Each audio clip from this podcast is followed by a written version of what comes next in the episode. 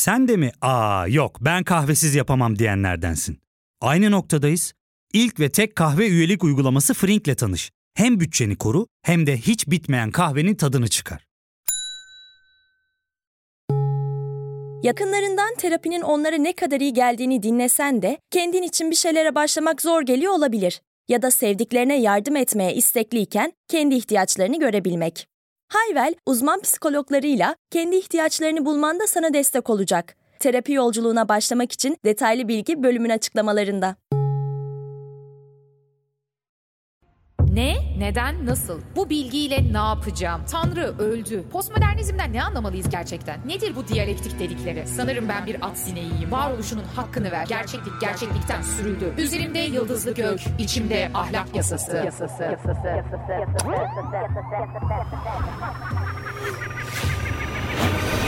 Dünyaya fırlatıldık.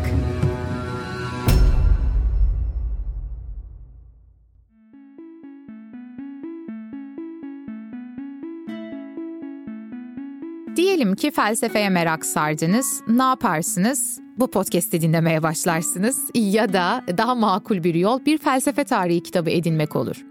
Ama felsefe tarihi kitaplarından herhangi birini açarsanız felsefenin antik Yunan'da başladığını görürsünüz.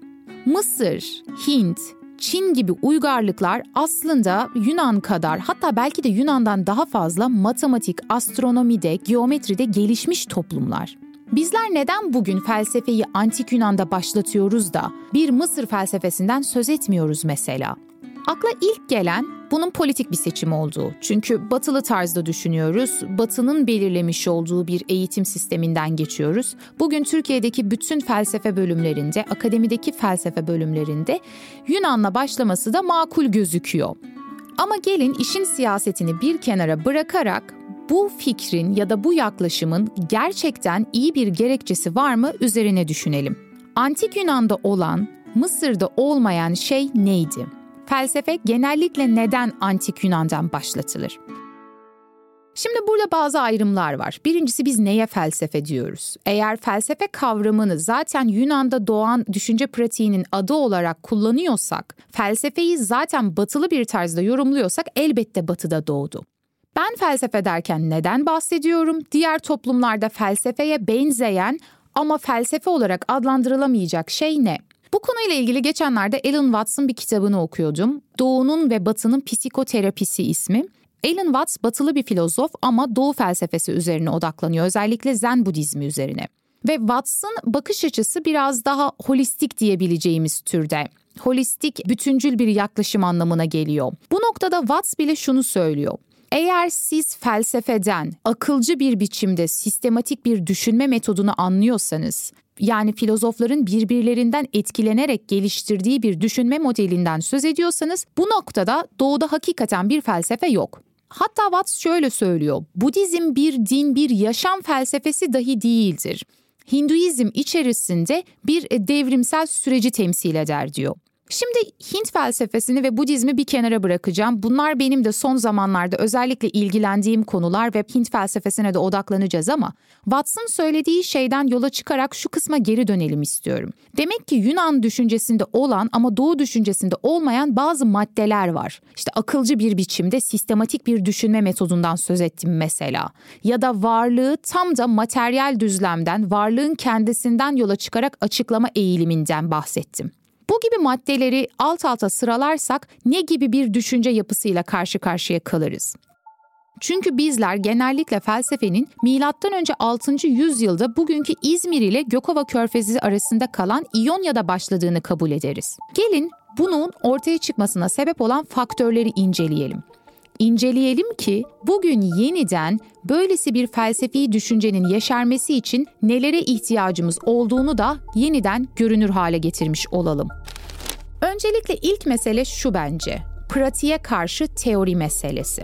1930 ve 40'lı yıllarda İstanbul Üniversitesi Felsefe bölümünde ders veren Alman bir düşünür var Ernst von Aster. Her bilimin meydana gelmesinde iki temel sebep olduğunu söylemişti.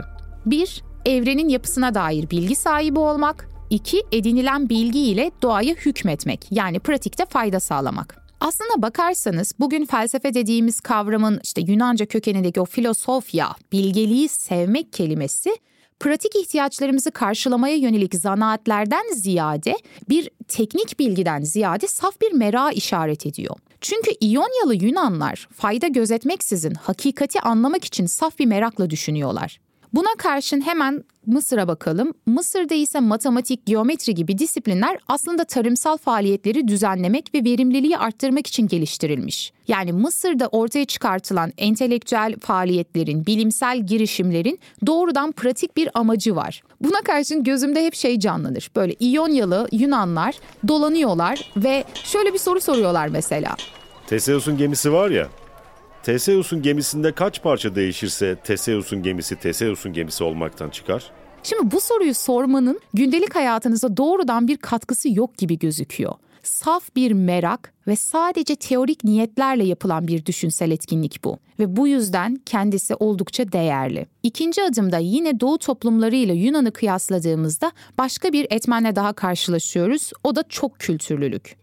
Yunan'a kıyasla Doğu uygarlıkları üç tarafı denizlerle çevrili Yunan'ın çok sesli düşünce ortamı geliştirebilmek için sahip olduğu jeopolitik avantaja maalesef sahip değil. Yunan'daki yoğun kolonileşme ve ticari faaliyetler aslında doğu-batı sentezi gerçekleştirilmesine ve böylelikle farklı kültürel motifleri barındıran bir kimliğin inşa edilmesine yol açtı. Böylesi bir çok kültürlü yapı ister istemez felsefi bir düşüncenin yaşarması için uygun bir ortam sağladı. Diğer önemli bir madde ise boş zaman meselesi. Bu konunun inanılmaz politik bir uzantısı daha var aslında. Ne demek istiyorum boş zamanla? Yani boş zamanın felsefeye katkısı ne? Ya fark ettin mi? Biz en çok kahveye para harcıyoruz. Yok abi, bundan sonra günde bir. Aa, sen Frink kullanmıyor musun? Nasıl yani? Yani kahvenden kısmına gerek yok. Frink'e üye olursan aylık sadece 1200 TL'ye istediğin çeşit kahveyi istediğin kadar içebilirsin. Günlük 40 TL'ye sınırsız kahve mi yani? Çok iyiymiş. Aynen. Hatta şu anda 200 TL'lik bir indirim kodu da var. E hadi hemen indirip üye ol da bu fırsatı kaçırma.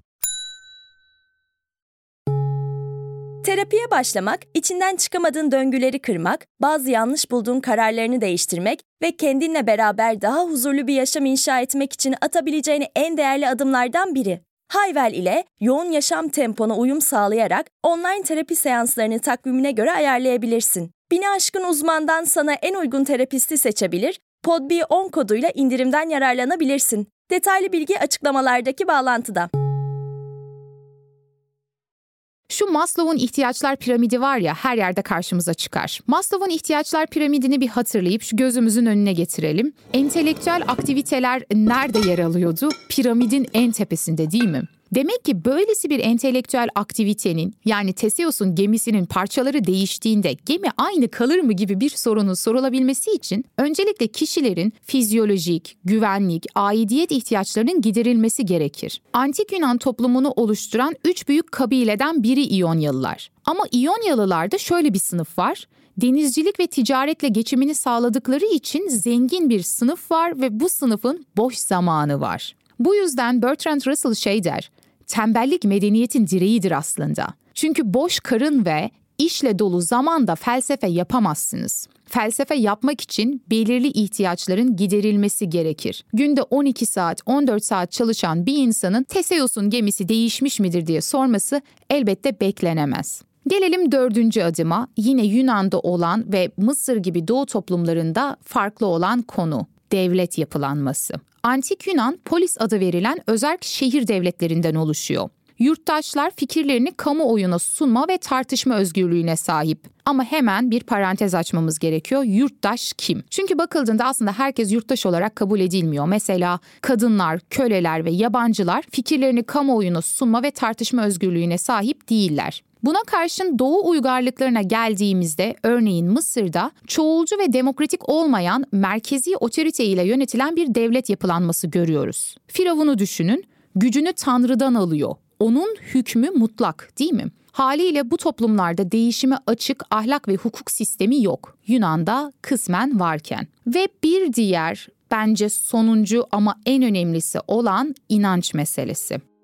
Bu çok enteresan bir konu. Bunu her hatırladığımda şaşırıyorum. Bizim bugün Yunan dini ya da mitolojisi dediğimiz şey Homeros gibi şairler tarafından yaratıldı. Yani Yunan mitolojisinin yazarları şairler. Bu açıdan onların kutsal kitapları, değiştirilemez kuralları, teşkilatlanmış bir din adamları sınıfı yok.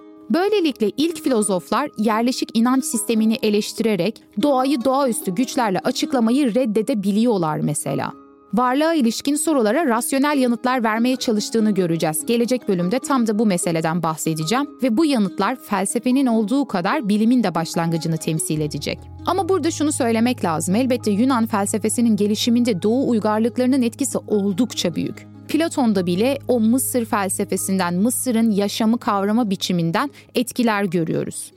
Burada Doğu Batı kıyası yaparak Doğu düşüncesini küçümsemek ve Yunan düşüncesini övmek gibi bir amacım yok aslında. Çünkü Doğu uygarlıklarından da bugün felsefe ve bilim yaparken bile öğrenebileceğimiz çok fazla şey var. Bununla ilgili özellikle Hint felsefesiyle ilgili bazı podcast bölümleri yapmayı da düşünüyorum. Ama kıyaslama yaptığımızda ortaya çıkan bu beş faktör Bugün felsefi bir ortam geliştirmek için, felsefenin yeşerebileceği bir ortam geliştirmek için nelere ihtiyacımız olduğunu özetler nitelikte bence. Çünkü 2500 yıl kadar önce felsefe ve bilimin başlangıcına yol açan faktörler bunlar. Böyle bakıldığında aklıma şey geliyor. Malcolm Gladwell adlı bir yazar var. Çizginin dışındakiler adlı da bir kitabı var. Orada başarının sadece kişilere bağlı olmadığını, aslında başarı dediğimiz şeyin gerekli tüm koşulların kesişmesinin bir sonucu olduğunu söylüyor. Yani ortada bir mucize yok elbette. Sadece bu mucize gibi gözüken olayın ortaya çıkmasına sebep olan faktörler var. O yüzden düşündüğümüzde felsefe İyonyalıların mucizesi değil bir bakıma şanslarıydı. Onlar sadece sahip oldukları toplumsal avantajları doğru bir biçimde kullandılar. Ve bu sayede Stefan Zweig'ın söylediği gibi insanlık yıldızının parladığı anlardan biri gerçekleşti. O yüzden bu podcast'i bitirirken ben de şunu sormak istiyorum. Özellikle Türkiye'de insanlığın yıldızının parlaması için ne gerekiyor? Gelecek bölümde görüşmek üzere meraklı kalın.